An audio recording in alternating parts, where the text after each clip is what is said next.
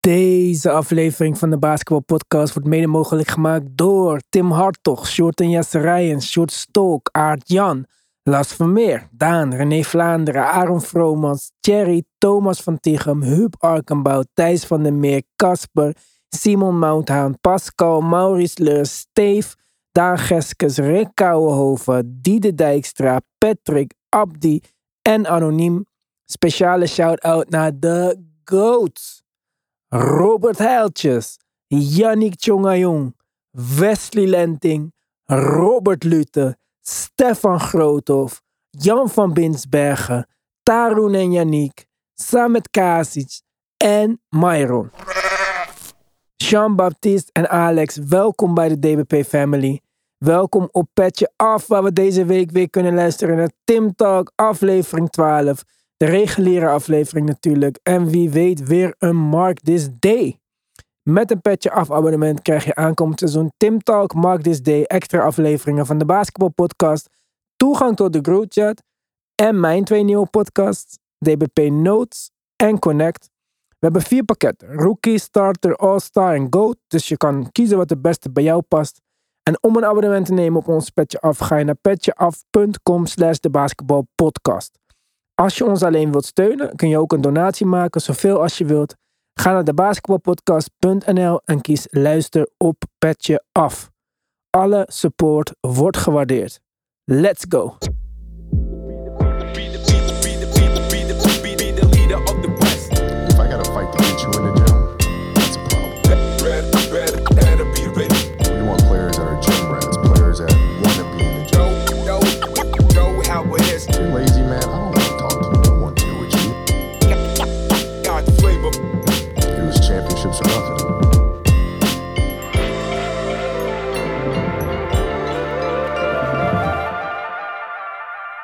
Ja, welkom bij een nieuwe aflevering van de Basketball Podcast. Sinds ik ben overgestapt naar Apple heb ik Windows eigenlijk nooit gemist. Maar met deze nieuwe League Pass app, powered by Microsoft, heb ik een beetje een window into mijn verleden gekregen. Crashes, constant niet werken, ellende. Bill Gates met zijn domme truien, die komt voorbij in mijn gedachten van woede. En ik denk eigenlijk, ook sinds dat ik een iPhone heb, heb ik nog nooit een app gehad die zo slecht werkte. En dan kun je de prijzen nog een keer door de helft doen. Maar dit is echt een ander level frustratie. En ik ben gelukkig niet de enige, want iedereen in de groupchat klaagt erover. Ik wil nog wel eens googelen midden in de nacht van ondertitelingen. Heeft iemand een oplossing gevonden? Hoe krijg ik ze uit beeld? Maar ook Reddit is er niet over uit hoe het allemaal gaat werken en zo. We hebben nog een weekje, jongens. Ik hoop dat ze het een beetje oplossen voor die tijd. Want het kan echt mega frustrerend zijn. Maar zelfs ondanks al die frustratie heb ik toch weer kunnen genieten van basketbal. Want ook al is het nog maar pre-season, al onze favoriete teams hebben inmiddels weer gespeeld. Waaronder natuurlijk mij niks. Ik heb een beetje Nets gekeken. Mark, je hebt de Celtics gezien volgens mij. En uh, nou, ik ga er eigenlijk alweer van uit dat uh, Tim gewoon uh, netjes Indiana en Dallas heeft zitten kijken. Ja. En dan wil ik ook even beginnen bij Dallas. Want daar is eigenlijk al een van de meest interessante vraagstukken. Ik was laatst aan de telefoon met Boyan. En die zei, nee, dit is complete onzin. Uh, Christian Wood is geen six man. Dit is een spelletje. Ze moeten het zo spelen. Hij start binnen een maand. Nou, jij tweette six man of the year. Ja, omdat hij uh, vooralsnog uh, projected is om van de bank te komen. En hij al wel signalen afgeeft dat hij een van de betere bankspelers in de NBA gaat worden. En ik denk dat dat niet zo'n heel hard take is, want we weten allemaal wat Christian Wood wel kan. maar ik vind het geen slechte voorspelling. Ik heb inderdaad ook meer en meer het vermoeden dat mocht het wel klikken voor hem en mocht hij wel ja, gaan produceren van, van wat hij bijvoorbeeld de afgelopen twee preseason wedstrijden heeft laten zien ja, dan kan het toch niet al te lang duren voordat je zo'n jongen uiteindelijk naar de starting line-up verplaatst. Met de uitdagingen die dan wel ontstaan. Maar goed, uh, dat zien we dan op dat moment denk ik wel. Voor nu is het in ieder geval zo dat ze...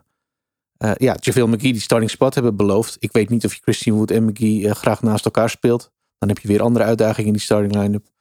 Dus voor nu is het in ieder geval zo dat hij op weg is naar Six Man of the Year wat mij betreft. Maar het is zeker niet ondenkbaar dat ze in het seizoen ja, wat gaan shuffelen bij Dallas met de line-ups. En dat eh, Christian Wood uiteindelijk eh, alsnog starter wordt. Zo, eh, de Six Man of the Year en de MVP op één team. ja, wanneer is de laatste keer dat dat gebeurd is? Dat wordt maar toch een jaar voor Dallas, hé. Potverdikkie. Ja, ja, dat zou wel wat zijn. Als dat een beetje klikt en, eh, en volgens verwachting gaat, dan, eh, ja, dan staan we aan de vooravond van een leuk jaar. Nou, ik zag jouw tweet dus voorbij komen en ik wou bijna reageren. Maar ik dacht, ik bewaar het gewoon eventjes tot de, tot de uitzending. Want ik heb namelijk een andere voorspelling voor Sixth Man of the Year. En Mark, die zal jou blij maken, denk ik. Want mijn voorspelling voor Sixth Man of the Year is Malcolm Brogdon. Hele goeie. Leuk. Ja. Oeh, goede segue ook. Naar de Celtics. Ja, heb je een beetje genoten van je C's of niet? Kijk, jij moet het echt van de Celtics hebben dit jaar. Want de Thunder die zijn weer allemaal injury report uh, en Banyama. Dus, eh, dus er is maar één team waar je naar kan gaan kijken. Uh, tot nu toe ben ik heel blij. En de belangrijkste ding, waar ik me meeste zorgen over maakte, is dat de drama zou alles overnemen. Maar tot nu toe ziet de defense precies hetzelfde uit. Zonder Robert Williams, natuurlijk preseason. Mm -hmm. Tatum en Brown lijken alsof ze een stap hebben genomen. En, zoals je net noemde, Six Man of the Year waarschijnlijk. En, en, en closing line-up, sowieso een deel van de closing line-up als hij fit is. Malcolm Brogdon voegt zoveel rust, accountability, vertrouwen en gewoon defense aan het team. Okay. En zelfs zonder Tatum ben ik, niet, ben ik gewoon oké, okay, zolang dat Brogdon in de line-up is. Ik denk, uh, Tim, dankjewel voor die, uh, voor die winst. Ja, ja. ja, het is een grote win. Absoluut. Uh, we hebben nu al gezien wat hij doet met playmaking daar. En hoe ze meteen al op hem leunen en wat hij doet. Ik vind hem er ook gewoon goed uitzien. Ik heb hem natuurlijk bij Indiana zien kwakkelen met zijn blessures. En als hij dan wel speelde, dan, dan zag je dat soms gewoon fysiek bij hem ook wel terug in zijn spel. Maar ik, als ik hem nu zag bewegen, ik heb die twee wedstrijden van hem gezien, die actie. Ziet er gewoon echt goed uit. En dat is echt een, echt een grote win voor de Celtics dit jaar, absoluut. En misschien is het fysiek gezien dan ook handig dat hij nu gewoon van de bank komt. Ja. En dat hij gewoon een 24 minuten per wedstrijd gaat spelen of zo. In plaats van een startende rol op zich moet nemen en verantwoordelijk is voor de hele aanval van een team. Maar oké, okay, Malcolm Brogdon, ik, ja, ik was ook uh, zeer onder de indruk. Uh, andere nieuwe Celtic, Blake Griffin? Lana Rhodes of weet die chick, die lekte foto's van haar kind. Zogenaamd is een NBA-speler de baby daddy. Het ging tussen KD en uh, Blake Griffin. Nou, als we even allemaal... Heet ze Lana Rhodes of niet? Heb ik het verkeerd die naam? Ja, ja, nee, je hebt het goed. Ja, dus als we even Lana Rhodes baby googelen, dan mogen jullie allemaal een gok doen wie de vader is van dit kind. Of het KD is of Blake Griffin. Maar het ziet er toch aardig naar uit dat het niet KD is. en uh, ja, het is, uh, ik denk dat dat ook de reden is dat Blake Griffin nog een jaar moet spelen. Want volgens mij is hij zijn ex, waar hij dus kinderen mee heeft, iets van 3 miljoen aan um, alimentatie per jaar verschuldigd. Oei. En ja, dat is precies zijn jaarsalaris dit jaar. Dus uh, Blake Griffin's geld gaat een linea recta naar zijn ex en de kinderen. Maar uh, ik had al getweet, die heeft niks meer left in de tank. Wat denken we van Blake Griffin? Hij was echt uh, solid in, zijn, uh, in, zijn, in de preseason tot nu toe. Hij, ze, voegen niet zoveel van, ze vragen niet zoveel van hem. Dat is het belangrijkste. Bij de Nets, toen hij in de laatste paar minuten van de playoff game binnenkwam, vraagden ze hem om te rebounden, verdedigen, pasen en scoren. Ja. Maar hier hoeft hij in principe alleen maar te rebounden, zorgen dat hij zijn rotaties niet mist in de verdediging. En af, als en toe, af en toe als hij de bal krijgt, gewoon de goede paas te maken. En dat is perfect voor hem. Oké, okay, je zei al eerder van de, de verdediging leek in ieder geval nog hetzelfde ten opzichte van vorig seizoen. Maar hoe zit het met de Young King en zijn Robin sidekick? Zien uh, Jalen Brown en Jason Tatum er allebei goed uit? Uh, ja, ik denk Jason Tatum zou zomaar 30 punten per wedstrijd kunnen scoren dit seizoen. Zo. ik zeg gewoon, hij, zolang dat hij fit is. Ik denk hij, hij heeft nog een stap. Ik, weet, ik zeg alleen aanvallend. Mhm. Mm -hmm. Dus scoren. Ik denk hij kan sowieso 30 punten per wedstrijd uh, tikken. En ik denk Jalen Brown zal 27. Ik denk die twee zullen zo echt genieten. Want ze... Dat zou dan een topscoring deal of all time worden, denk ik. Nou, met de NBA hoe het er nu in zit. Denk ik dat dit zal redelijk een norm worden. Als je zoveel talent op het team krijgt. Oké. Maar Jason Tatum vorig jaar dus 27 punten per wedstrijd. Het jaar daarvoor 26,5. Je denkt dat hij nu wel echt een drie punten stap gaat maken. Of kan maken. Ik denk, ik denk het zeker. En In het begin van het seizoen was, waren zijn scoringpercentages zo laag. Hij was, hem en Jalen Brown waren misschien wel... Ze waren samen onder 35% van de drie. En dat is gewoon niet wat, wat ze zijn. Dus ik denk dit seizoen, als ze normaal beginnen... en ze zullen gewoon meer structuur hebben. Ze weten wat hun rol is. Ze weten dat ze zijn... Ze hebben gewoon die swagger. Je ziet gewoon aan die twee dat ze net wat... Misschien minder aan Jalen Brown. Omdat hij nog steeds in trade talks was. Mhm. Maar je ziet in Jason Tatum, hij heeft een soort van een beetje swagger. Die stap, I'm there, in een manier. En Dus- ik denk, je zal het gelijk zien op het veld. Dus het lijkt er niet eh, te veel te doen dat ze hun oude coach er niet meer terug zullen zien. Ah, tot nu toe niet, maar in-game adjustments. Ze hebben gewoon niet het moeilijkste preseason gehad. Wat gelukkig is. Maar Ja. Dus als in de grote games, weet ik nog niet. Dat gaan we zien. Hmm. Maar in ieder geval nog even laatste Udoka update. Ja. Eh, het was dus eh, de vrouw die wij al eerder eh, naar buiten ook eh, op de voorkant van Tim's aflevering hadden gezet. Ja, ook een getrouwde vrouw, drie kinderen, mormoon. Wat dus alweer Oh. gelijk eh, eh, een, een belletje deed rinkelen. En wat ook later waar bleek. Een vriendin van Danny Ainge. Door Danny Ainge bij de Celtics gebracht. Dus dat viel al niet zo goed eh, around the league. En ook Danny Ainge heeft natuurlijk de nodige invloed around the league. Maar daar bleef het niet bij. Hij schijnt ook nog met de vrouw van een minority owner het bed te hebben gedeeld. En kijk, dat maakt voor hem het wel vrij lastig in de toekomst om nog ergens aan de slag te kunnen eh, gaan bij een NBA-team. Want ja, die eigenaren steunen elkaar natuurlijk. Het is niet de allerslimste move. Verder schijnt het dat hij en Nia Long een open relatie hadden. Waarbij de zorg voor hun kind op nummer 1 stond. Maar voor de rest alle regels niet zo eh, vastgelegd waren. Dus ehm, nou ja, dan hoop ik dat hij zijn privéleven op de rit krijgt. Want zijn professionele carrière lijkt voor nu, in ieder geval voorlopig, eh, over.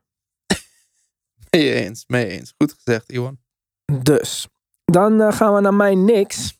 Ik eh, zeg Ja. ook dit jaar mijn en we en al die dingen die ik van de zomer mensen heb horen zeggen die hun team kwamen representen in onze podcast.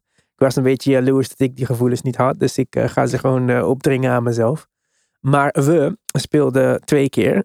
Ehm, wat viel mij op van die twee wedstrijden? Nou, ten eerste dat Julius Randle ontzettend slecht was. Ehm, schoot drie punters, raakte er geen één. Ja, tragisch, tragisch. Na de eerste wedstrijd zei ik al tegen Tim, ik ben verkocht. Jalen Brunson eh, is oké.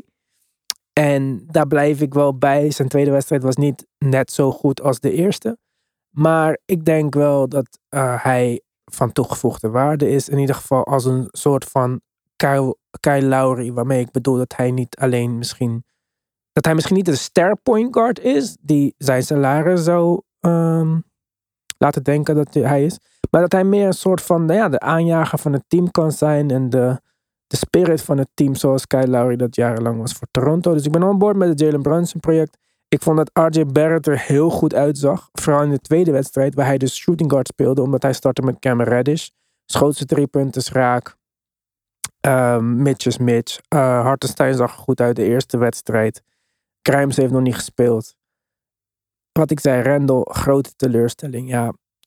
En, en het wordt alleen maar erger. Want Topping kwam erin. En die had vervolgens de mooiste plays van de hele preseason. Met een between the leg dunks in transition. Hij is gewoon een betere floor stretcher. Hij schiet beter op dit moment. Ja, het, het wordt, dit wordt echt een, eh, een ingebouwd probleem. Ja, Ik dat denk ik ook. Ik, Ja. al, ik zit al de hele week natuurlijk met die over-under uitzending die we gaan maken. En ik, Mhm. ik wilde niks graag op 500 zetten. Omdat ik Mhm. wel vind dat ze op zich dat talent hebben. En zelfs dan zou het nog lastig worden als alles goed loopt in deze Eastern Conference. Maar ja, ik heb het nu gezien met Randall. Kijk, Randall gaat gewoon die minuten blijven krijgen. En dat is nog maar niet, om nog maar niet te spreken over wat er gaat gebeuren als hij weer down wordt, net als vorig jaar, zeg maar. Dus ja, ik zie dit als een ingebouwde tijdbom. En dit gaat niet werken. Dus ik ben ook bang. Ik heb nog twee dagen natuurlijk voordat we de over-under aflevering gaan opnemen. Die trouwens op YouTube uitkomt. hebben we helemaal niet tegen de mensen verteld. Onze eerste YouTube-uitzending. Ja, echt de tweede, want onze eerste is al ooit geweest. Maar deze wordt eventjes eh, wat anders. Onze eerste YouTube-aflevering aanstaande woensdag online. Preview voor het aankomende seizoen. Over-anders. We gaan het allemaal bespreken in beeld. Dat wordt heel erg leuk. Dus ga kijken. Ga sowieso abonneren. Abonnem, abonnem, abonnem, Abonneren. Abonneren. Ja, jeetje mina. Abonneren op ons DBP YouTube kanaal. Maar ja, ik heb dus nog twee dagen om te beslissen. Maar ik maak me toch een klein beetje zorgen over de niks. Ja, het lijkt erop alsof ze op die manier met dat issue misschien zichzelf wel een beetje in de weg gaan zitten. Omdat, ja, wat je zei, Stoppin was toch wel een beetje de showsteler uh, vooralsnog van dit preseason. Ja, en, en, en Randall is natuurlijk eh, ja, de grote man daar. Of tenminste, dat denkt hij zelf. Dus dat, die dynamiek en de druk die, er, die, die eh, tips ook wel zal voelen inmiddels. Want ja, als er een fanbase is die geluid maakt, uh, die zelfs tips ook niet kan negeren, dan zijn het die van de niks wel. Dus hij zal het ook meekrijgen. Ja, hoe, ga je, hoe hou je zo'n jongen nog achter de hand als hij zulke goede signalen blijft afgeven, terwijl Randall vooralsnog nog steeds niet blijkt, nou ja, terug te vinden wat hij, uh, wat was het, twee seizoenen geleden had. Ja, en het is ook al echt twee seizoenen geleden. Want hij speelt voor mij tot nu toe echt hetzelfde als vorig jaar, zeg maar. En alleen minder frustratie.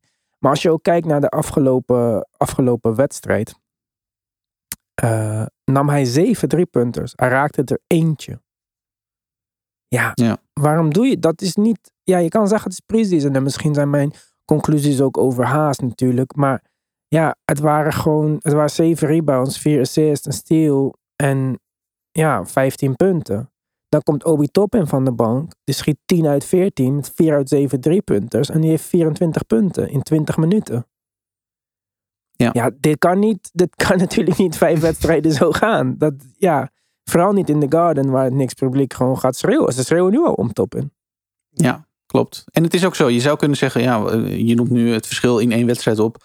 Uh, moeten we meteen overreacten? Nou, dit is geen overreacten, want dit zien we al een tijdje aankomen. Dit is niet van gisteren. Want vorig seizoen zag je die beweging al een beetje gaande. En Randall heeft het hele seizoen natuurlijk niet best gespeeld. En het lijkt wel alsof, nou ja, in de eerste signalen die we van dit seizoen krijgen, alsof het vorig seizoen wat betreft die dynamiek een beetje aan het voortzetten is. Ja, dan uh, moet je denk ik niet te lang wachten met uh, de keuze maken als, als niks organisatie voor in dit geval Top en Randall. zorgen dat je Randall van de hand doet. Ja, of Randall mag six man spelen. Ja, ik weet het niet. Uh, Cam Reddish dan? Nou, uh, ik denk dat iedereen, inclusief ik, hem graag meer wou zien. Eerste wedstrijd kwam hij al als six-man van de bank. Dus dat verbaasde me al heel erg, want het was ook onder tips geen garantie. Tweede wedstrijd mocht hij zelf starten, zoals ik al zei. RJ kwam daardoor beter uit de verf, denk ik. Maar hij heeft twee schoten geraakt en uh, in twee wedstrijden en de rest allemaal gemist. Die up en under was wel mooi, hè? Ja, heel mooi. Maar hij kan ook heel veel. Er is niet voor niets potentie. Hij is niet voor niets top 10 gedraft. Hij was niet voor niets een part of the big three in Duke. Maar ja, nee. Nee.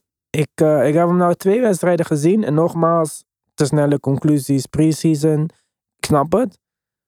Maar echt op basis van dit zou ik al denken van nou. Uh, Fournier moet nog worden ingepast. Die speelde de afgelopen wedstrijd niet. Grimes komt nog terug. En Grimes heeft echt tot nu toe nog niks fout gedaan. Ja, wordt lastig, man. En uh, als ik het op basis van deze twee wedstrijden moet zeggen, dan zou ik zeggen, laat maar zitten. Leuk geprobeerd, jammer. Ik, ik had het graag gewild. Uh, wie wil niet een 6'8 wing erbij die kan verdedigen, scoren met de potentie om een all-star te zijn. Maar het zit er gewoon, ben ik bang, niet in. Hmm. Bij die jongen niet? Nee. Tjoh. Oké. Okay. Maar dat is echt op basis van dan wat ik nu heb gezien. Hè. En het is ook niet voor niks natuurlijk dat hij in drie jaar in de NBA verder niks heeft gedaan. Zijn rookie-klasgenoten, Jordan Poole, uh, Tyler Hero, RJ Barrett, Zion, Ja. Ja, iedereen heeft op zijn manier laten zien wat ze kunnen. En ja, hij dus blijkbaar niet. Ja. Nee, klopt. Inmiddels kun je ook niet meer roepen: het is, iets, het is iets van de niks of het is iets van dat team, want dat is ook niet zo. Hij kwam natuurlijk al binnen met een, met een bepaald beeld, zeg maar, wat, wat men van hem had. Uh, het is natuurlijk wel zo dat hij, ja, ik denk niet dat hij nog in grote stretches kansen heeft gehad. Maar goed, als jij uh, twee wedstrijden van hem ziet dit seizoen al. En eh, al deze conclusie trekt. Dan, ja, dan heeft hij de, hoe noem je dat? Het voordeel van de twijfel heeft hij ook gewoon niet mee, zeg maar.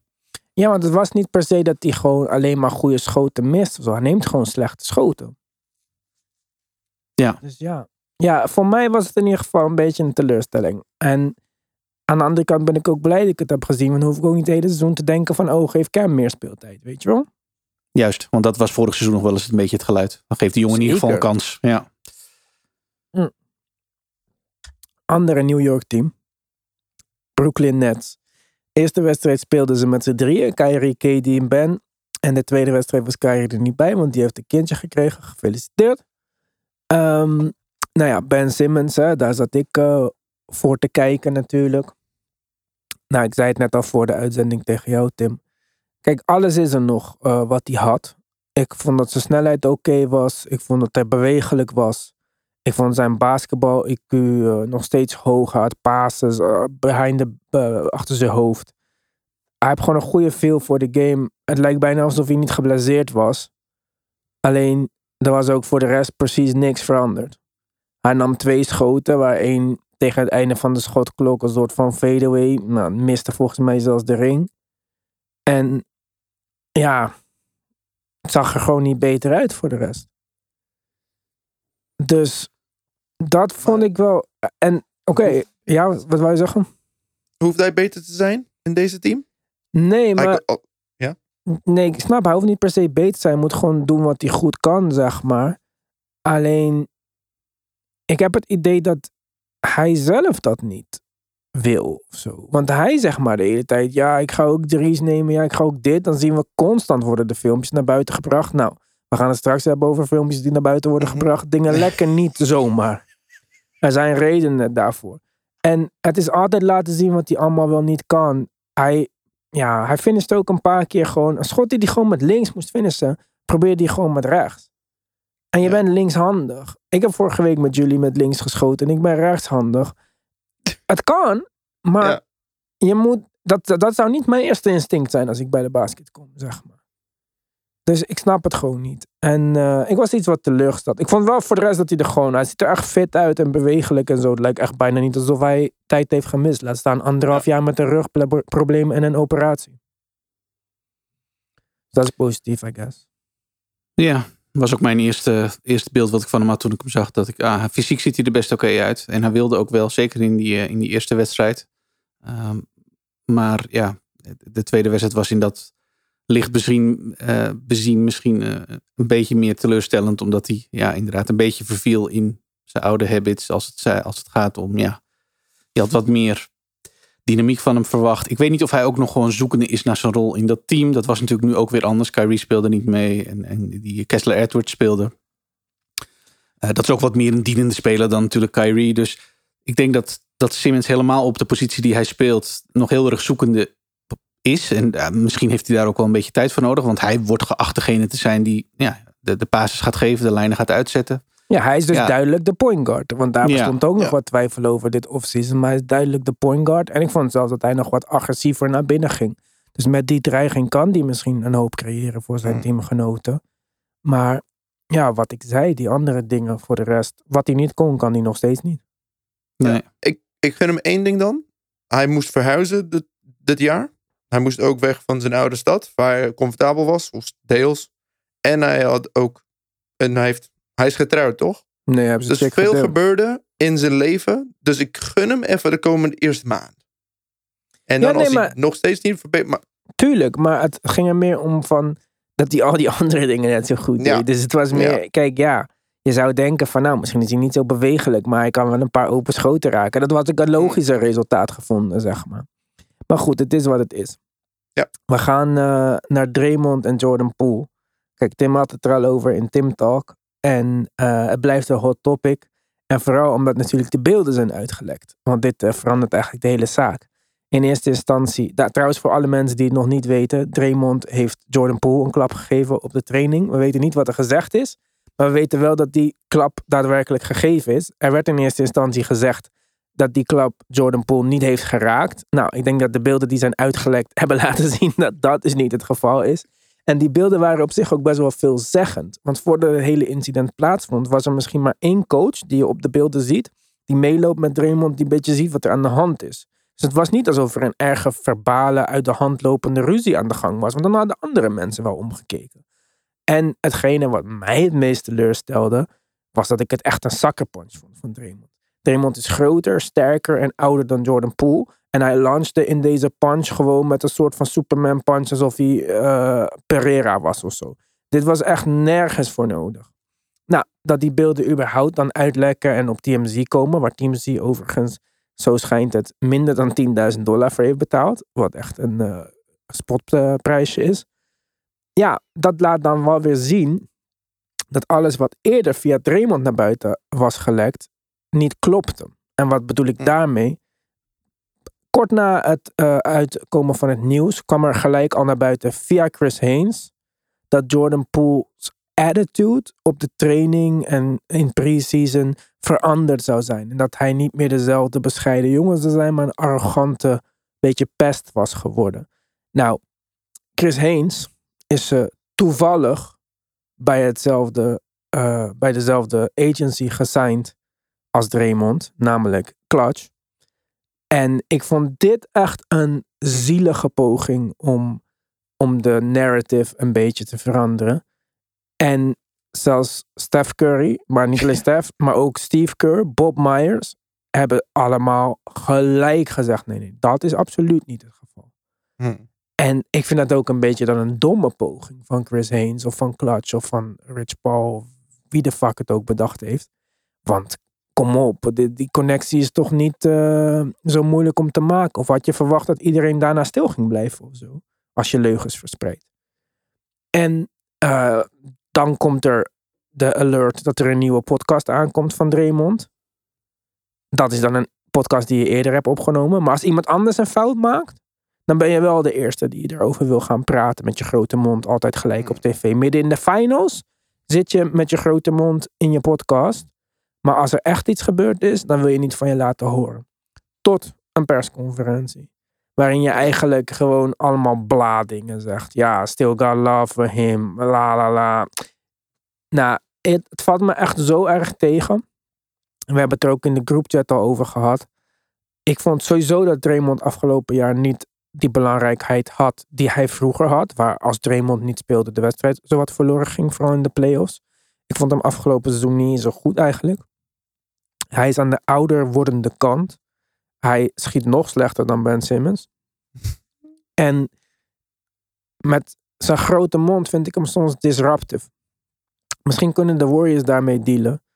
Maar ik denk dat dit, uh, en dat zie je ook wel, want hij neemt een paar dagen afscheid van het team, een beetje de druppel was. Zijn attitude weegt niet meer op tegen zijn productie. En ja, dat contract wat hij wil, want hij denkt dat hij nog een max contract gaat krijgen, zo, wat ik al raar vind, want hij heeft nooit een max contract gekregen en dat zou hij dan nu al helemaal niet meer krijgen. Ja, dat, dat zit er gewoon niet meer in. En ik denk niet dat de Warriors zo gek gaan zijn om Wiggins of Paul of Clay te treden en Draymond een bonusdeel te geven. Dus ik denk dat wij ja, toch toegaan naar het einde van Draymond Green als Warrior.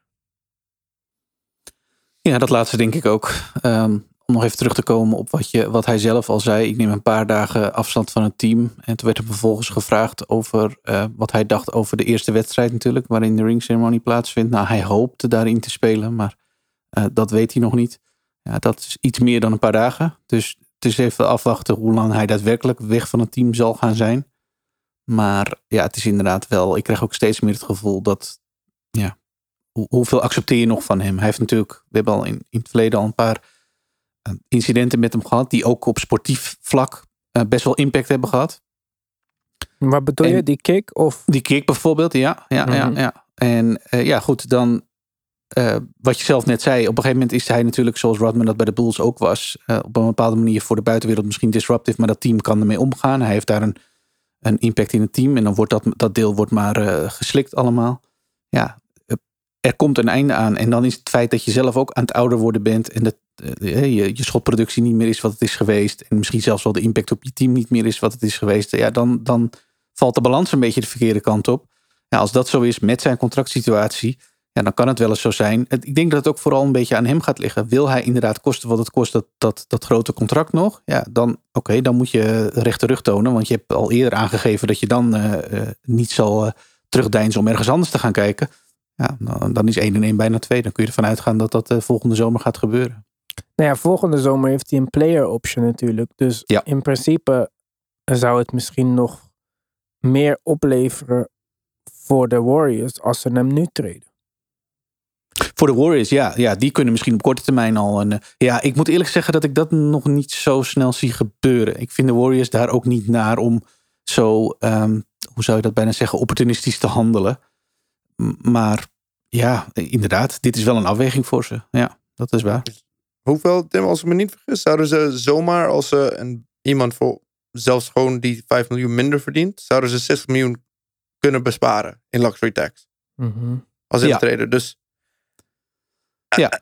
Uh, niet alleen fysiek, zoals Iwan echt heel netjes uitlegde. Je bent, wat jij net zei, met de locker room ook. Ook kapitaal zou het gunstig zijn voor hun. Ja, ja, maar dan moet je wel. Ik denk dat je dan wel ook een beetje afweging moet gaan. Want hij, ik bedoel, hij staat er nog wel. Hij speelt nog wel. En hij speelt nog wel minuten. We hoeven niet te doen alsof dit een, een, een mm -hmm. nummer 10 guy op het team is. Die misschien. De, ik bedoel, dit gaat wel. Het verschil ga je wel merken. En dan is het misschien zo dat je moet gokken op.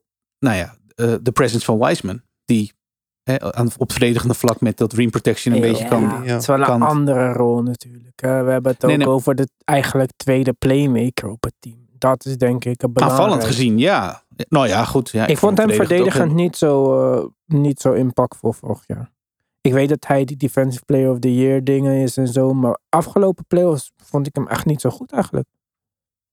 Maar hebben wij niet gezien dat in, in het seizoen dat de Warriors verdedigend een stuk minder waren toen hij afwezig was? Ten opzichte Ja, van oké, toen, maar toen hij ook- speelde? Ja, maar er is ook een systeem gebouwd met hem in mind. Zeg maar. Ja. Dus ja, als hij dan er niet is, dan werkt dat systeem niet. Maar misschien kan dat systeem worden aangepast. Of kan er een nieuwe persoon een andere rol spelen, waardoor er een ander systeem komt. Juist. Zoals met KD, hè? KD Maar om- past het hele systeem aan. Maar Ja. om dat in season te, zou moeten doen als ze nu op korte termijn wel naar een, een mogelijkheid gaan kijken. Dat, dat lijkt mij eh, Heel seizoen, 82 wedstrijden heb je daarvoor. Om één speler aan te passen. Ik denk dat dit eerlijk gezegd niet zo'n probleem is. Helemaal niet met eh, welke rol Wiggins op zich heeft genomen afgelopen jaar. Want hij is in principe al de beste wingverdediger geworden. Ja. Dus dat was Ja. iets wat Draymond vroeger ook deed. Hè? Vergeet dat niet. Dat was niet eh, alleen dat hij grote mannen kon verdedigen. Maar hij was ook een, ja, hij was de, de beste wingverdediger ook bij de Warriors. En dat heeft, heeft Wiggins al echt van hem overgenomen, vind ik. Ik vind dat Wiggins dat vorig jaar extreem goed deed. Daarom vind ik dat Wiggins ook helemaal gezien zijn leeftijd ja, meer ehm, ja, belangrijker is geworden voor de Warriors dan Draymond op dit moment. Dus Op dat vlak Ja. zeker. Aan de andere kant, ja, eh, ik vind eh, dat eh, dan er moet, er moet naar een oplossing worden gezocht voor, de, voor het verdedigen van de grote mannen. En een beetje ring protection en, en een beetje ja, paint presence die, die hij ook kon hebben. Ehm, ja, ik weet niet of ze daar antwoorden voor hebben. Maar zou jij hem houden met dit gedrag? Het is, ik zou hem in instantie wel willen binnenhouden. Ja, ja. Ik denk dat de Warriors er niet op vooruit gaan als ze nu gaan reageren in de vorm van een trade. Of, of ik denk dat je dan nog veel meer druk legt onder die op, op het algemeen, over het algemeen vrij stabiele organisatie, vrij stabiel team al. Eh, alleen ja, het zal er wel een beetje van afhangen hoe het pool hierop reageert. Want ik denk dat Poel, zeker met het oog op de toekomst, natuurlijk veel, veel belangrijker is en gaat zijn. Als hij hier niet overheen kan, als hij zijn relatie met Draymond hierdoor ja, splinterd is. En, en, en als je al snel signalen krijgt, dit gaat niet meer goed komen. Ja, dan moet je conclusies trekken. Maar tot voor dit, nu op dit moment weten we dat niet. Als die jongens het op enige manier een beetje kunnen bijleggen. Waardoor je in ieder geval gewoon een, normale werkom, uh, werkomgeving kan, uh, kan creëren. Ja, dan, dan zou ik zeggen, uh, doe dit seizoen gewoon, uh, maak er wat van. Vraag, ja? Laatste vraag. Ja. Dit is gewoon de laatste seizoen met KD weer. Ze waren niet blij, ze speelden gewoon en toen hebben ze uiteindelijk verloren. Toch? Ja, dat, ik, denk, ik, ik denk ook eerlijk gezegd dat, dat dit nu moet worden weggesneden voordat het verder uitzaait, zeg maar. Ja. Niet leuk, toch? Vorig jaar was het leuk. Nee, dat klopt. Het, het- is duidelijk dat op dit moment de situatie niet goed is. Nee. En, en we hebben met KD inderdaad, dat is waar, een voorbeeld gezien hoe dat kan, zich kan uitzaaien en eh, misschien je succes in de weg kan gaan zitten. Maar ja, ik weet nog niet hoe deze twee jongens. Ja, hij gaat sowieso staan. niet bij zijn, of, eh, bijtekenen voor 15 miljoen of 12 miljoen of zo. En dat is eerlijk gezegd wat hij gewoon waard is op dit moment. Ja. Dus ja, wat is dan het, eigenlijk het nut? We gaan dit, en dan zou je kunnen zeggen van nou, als alles weer hoog zijn, dan spelen we dit seizoen uit, kijken of we een keertje kunnen repeaten. Maar als dat er niet in zit, als Enders weer niet goed is en je weet dat de toekomst daar niet is, dan voor wat wacht je nog? Nee, klopt. Als, als, als het eerste van de twee punten die je noemde inderdaad duidelijk wordt, dan snap ik het. Maar voor nu kunnen we die conclusie nog niet trekken. Die signalen hebben we simpelweg nog niet. En dan zou ik zeggen, ja, dan ga ik nog even uit van het feit dat dit team gewoon een hoop succes en stabiliteit had. En we met z'n allen voor voordat dit gebeurde ook zeiden, Warriors horen gewoon bij de favorieten voor de, voor de titel dit jaar. En zeker voor de West Contenders. Dus ik vind het wat, misschien wat vroeg om dan meteen al nu al te roepen, oké, eh, weg met Draymond en, eh, en we gaan verder. Want ik, ja, dit team was gewoon een, een, successtory op zichzelf, vooralsnog. Ik niet. Weg met Draymond. Ik roep het hier. We gaan eh, van de week kijken wat dit doet met onze over-unders, jongens. Eh, hoe, eh, hoe gaan we dit incalculeren? Die over-under uitzending, zoals ik al zei, te bekijken op YouTube. Nou ja, die links en dat soort dingen zul je sowieso nog voorbij zien komen op onze Instagram, de basketbalpodcast, of op Twitter, de basketbal. Maar ga je ook alvast abonneren op ons DBP YouTube kanaal. Als je DBP zoekt of DBP March Mates of DBP Trade Deadline, dan zal er vast een logo naar boven komen wat je herkent. Voor nu wil ik jullie bedanken voor het luisteren. En eh, ja, tot de volgende keer.